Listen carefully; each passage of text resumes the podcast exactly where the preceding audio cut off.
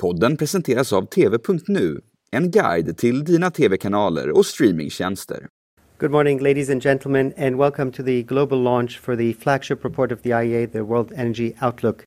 A huge economic growth, a rebound of the global economy, close to 6%, which is uh, the highest since almost last uh, 50 years, mainly fueled by fossil fuels. In my view, we are witnessing an unsustainable economic uh, recovery here. This year, we are seeing the second largest increase in the global emissions in the history. Nu när världen återhämtar sig från pandemin så har också utsläppen dragit igång med kraft. Nu går det snabbt. Det var en nedgång under coronans värsta tid och det är ju inte så konstigt. Världen var ju på paus på många sätt. Enligt vissa så öppnades det ett fönster här och en möjlighet att greja utsläppen en gång för alla. Ett fönster som inte direkt står vidöppet längre. Hur framtiden ska mötas på ett hållbart sätt det är gissningsvis något som världsledarna funderar extra på just nu. För snart så ska de mötas.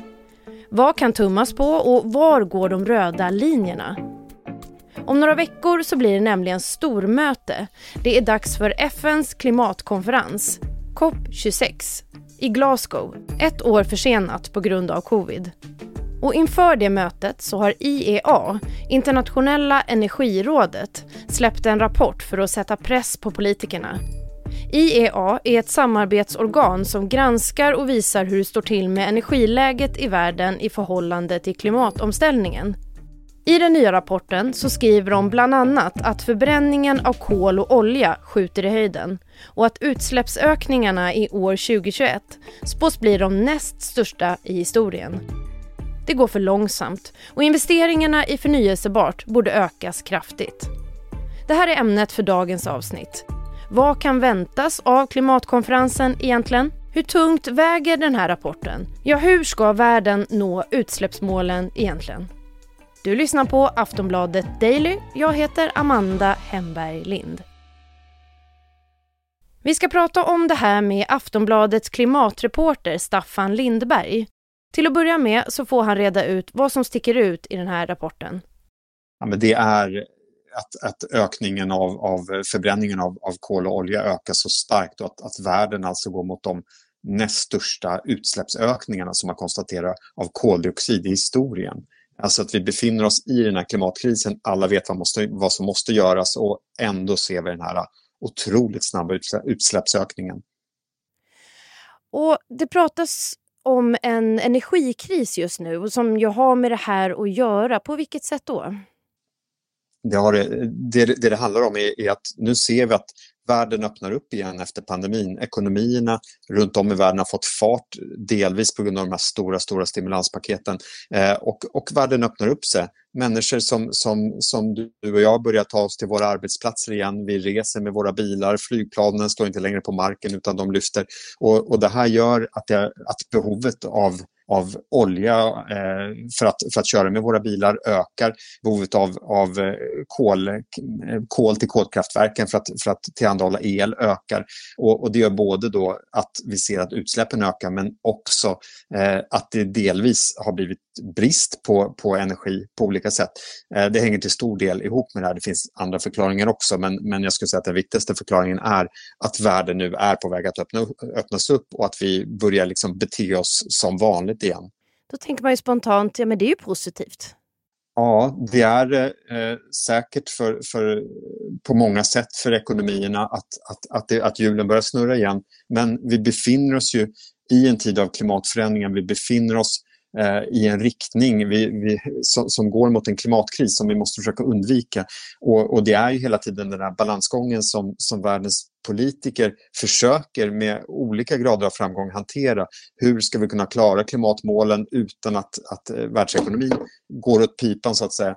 Eh, och, och, och det, det, är just det man måste hantera. Men, men det är klart att om, om hjulen börjar snurra snabbare men vi samtidigt ser sådana här stora utsläppsökningar, ja, då är det någonting som, som inte är rätt.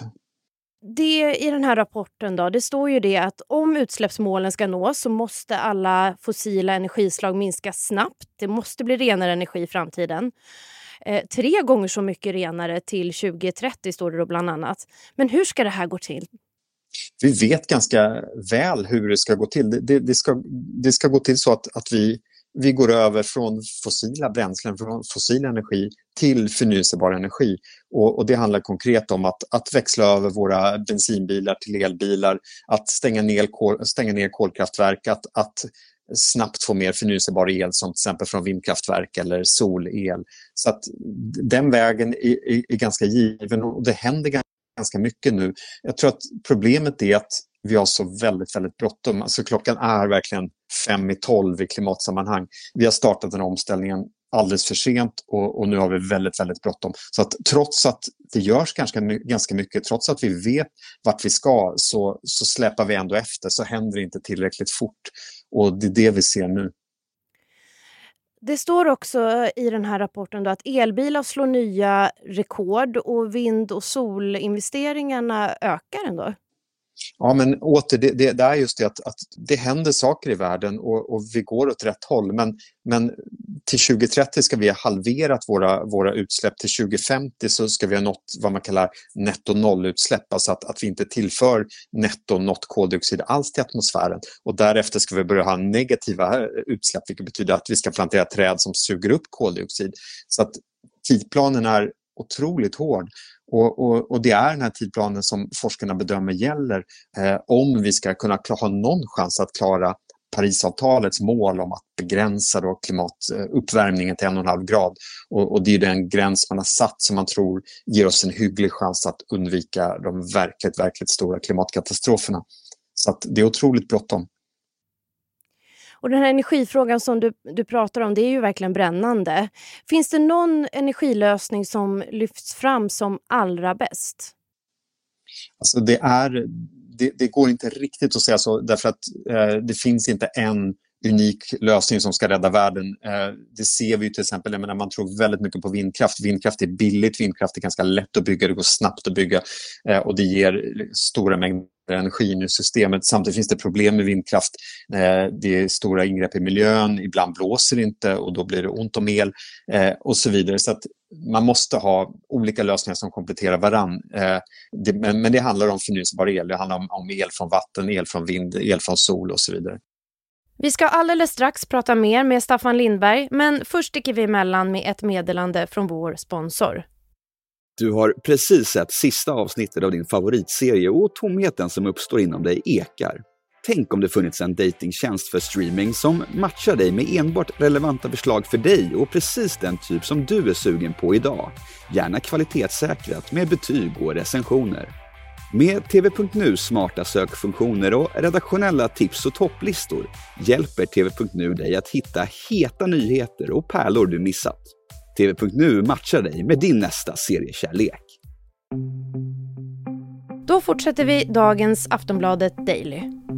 I november är det dags för FNs klimatkonferens, den 26 i ordningen, i Glasgow i Skottland den här gången. Det viktigaste mötet sedan Parisavtalet sägs det. Och Parisavtalet det var den globala överenskommelsen som slöts för sex år sedan där det bestämdes en slags ram för hur världen ska möta den globala uppvärmningen genom att minska utsläppen. Och nu under det kommande klimatmötet i Glasgow så ska det bli en avstämning. Det är en i raden av klimatrapporter som nu har kommit. Info det finns det att ta del av. Det som återstår nu det är att se hur ledarna kommer att använda sig av all information. Vi ska höra Aftonbladets klimatreporter Staffan Lindberg igen. Internationella energirådet har ju medvetet tidigare lagt den här rapporten just för att de ska skapa ännu mer tryck inför det här mötet. Och, det är klart att det är ännu en rapport av många kritiska rapporter som verkligen, verkligen, verkligen sätter tryck på världsledarna. Eh, och, det är just det man vill. Man vill sätta tryck mot världsledarna så att de faktiskt kommer fram till lösningar, så att man hittar eh, hittar nya vägar framåt, eh, att man kommer till beslut att, att de här tidigare på något sätt ganska vackra löftena som, som var ganska intet förpliktigande, att de verkligen konkretiseras, så att man får jättetydliga mål eh, och att vi får en väg framåt där vi ser hur man faktiskt ska uppnå de målen. Och, och, och det, det är det allting handlar om, att, att sätta det trycket på världens ledare så att de eh, faktiskt det här mötet blir en framgång. Det finns ju de som säger att Glasgow-mötet mycket väl kan vara världens sista chans att, att klara klimatförändringarna. Så det är otroligt mycket som står på spel just nu. Men kommer ledarna då kunna samarbeta? Det handlar ju om att de har olika intressen att ta hänsyn till från sina länder. Kommer de kunna samarbeta och släppa principer och riktlinjer då som man har med sig? Det återstår ju att se. Eh, det jag tycker ändå man kan säga är att, att möjligheterna ändå ser bättre ut, de ser ljusare ut än vad de gjorde för bara ett år sedan. EU eh, EU ligger på, eh, USA under president Biden ligger på. Det blir svårare och svårare att sätta sig på tvären. Vi kan ta ett exempel, ett land som Australien som inte har velat hittills gå med på några sådana mål som, som, som inte har velat fästa sig vid ett, ett, ett mål där man ska fasa ut allt det fossila. Eh, priset för, för Australien tycks mer och mer bli högre, att det blir dyrare, eh, kostar mer att, att vara den här som sätter sig på tvären. Eh, Australien har börjat målas ut som, som en klimatvärldens egen värsting på något sätt, ett värstingland. Och, och, och det tror jag få världsledare heller vill bli. Men det är klart att det är tufft att komma hem. Det är tufft att komma hem och veta att den politik du ska genomföra kommer att göra det mycket, mycket dyrare för dina väljare nästa gång de ska tanka bilen som kommer göra att de kanske inte får el eh, att värma upp sig med i vinter därför att man måste stänga kolkraftverken. Så att, ja, det är mycket i vågskålen för världens ledare. Eh, många hänsyn att tas och, och vi får se eh, vad man kommer fram till. Ja, senaste klimatmötet det var 2019 i Madrid. Det drog ut på tiden. Många beskrev det som en, en besvikelse efteråt. Men kan du försöka säga lite då? Blir det fiasko eller firande den här gången? Jag tror att man åtminstone kommer vilja framställa det som att, att det blir firande. Man kommer, eh, man kommer vilja till varje pris framställa det här som en framgång. Den brittiske premiärministern Boris Johnson har ju satsat jättemycket eh, av sin trovärdighet och, sitt förtroendekapital i att det ska bli en framgång, vill gärna utmåla sig som en grön ledare i världen. Eh, jag tror man kommer göra sitt yttersta för att nå en framgång och jag tror att vi kommer få det presenterat som en framgång lite oavsett var man landar. Eh, Säkert kommer man inte nå hela vägen fram. Säkert kommer inte klimataktivister känna sig eh, trygga med det man kommer fram till. Men, men vi kan hoppas på att det i alla fall blir ett steg på vägen och någonting som kan leda fram till ja, någonting ännu mer vid nästa möte eh, som kommer. Att man då går ännu mer till handling. Har du någonting hoppfullt då angående det här ämnet som vi kan ta med oss framåt? Det finns hoppfulla saker och, och jag skulle säga att, att det är lite det som vi varit inne på. att Dels eh, dels det förändrade klimatet i världen, att, att det är mer och mer det nya normala är att vilja snabbt verka för en klimatomställning. Det ser vi inte bara bland världsledarna där jag tycker tonläget verkligen har ändrats utan, utan även i näringslivet, bland företag så, så är det nästan alla nu som pratar om den gröna omställningen. Och jag, tror att, jag tror att både höga politiker och företagsledare har fattat att det är hit som vinden blåser, det här kommer att ske. Eh, och då är det bättre att, att vara proaktiv, då är det bättre att vara om inte först och tidigt på tåget än att komma sist och komma efter. Så att det är det hoppfulla. Eh, kombinerat med att vi faktiskt ser mer förnybar el, eh, fler elbilar på våra gator och så. Så att ja, det finns ljusglimtar. Och sist här hörde du Aftonbladets klimatreporter Staffan Lindberg. Jag som pratar heter Amanda Hemberg Lind och du har lyssnat på Aftonbladet Daily. Tills vi hörs igen, hej då. Du har lyssnat på en podcast från Aftonbladet. Ansvarig utgivare är Lena K Samuelsson.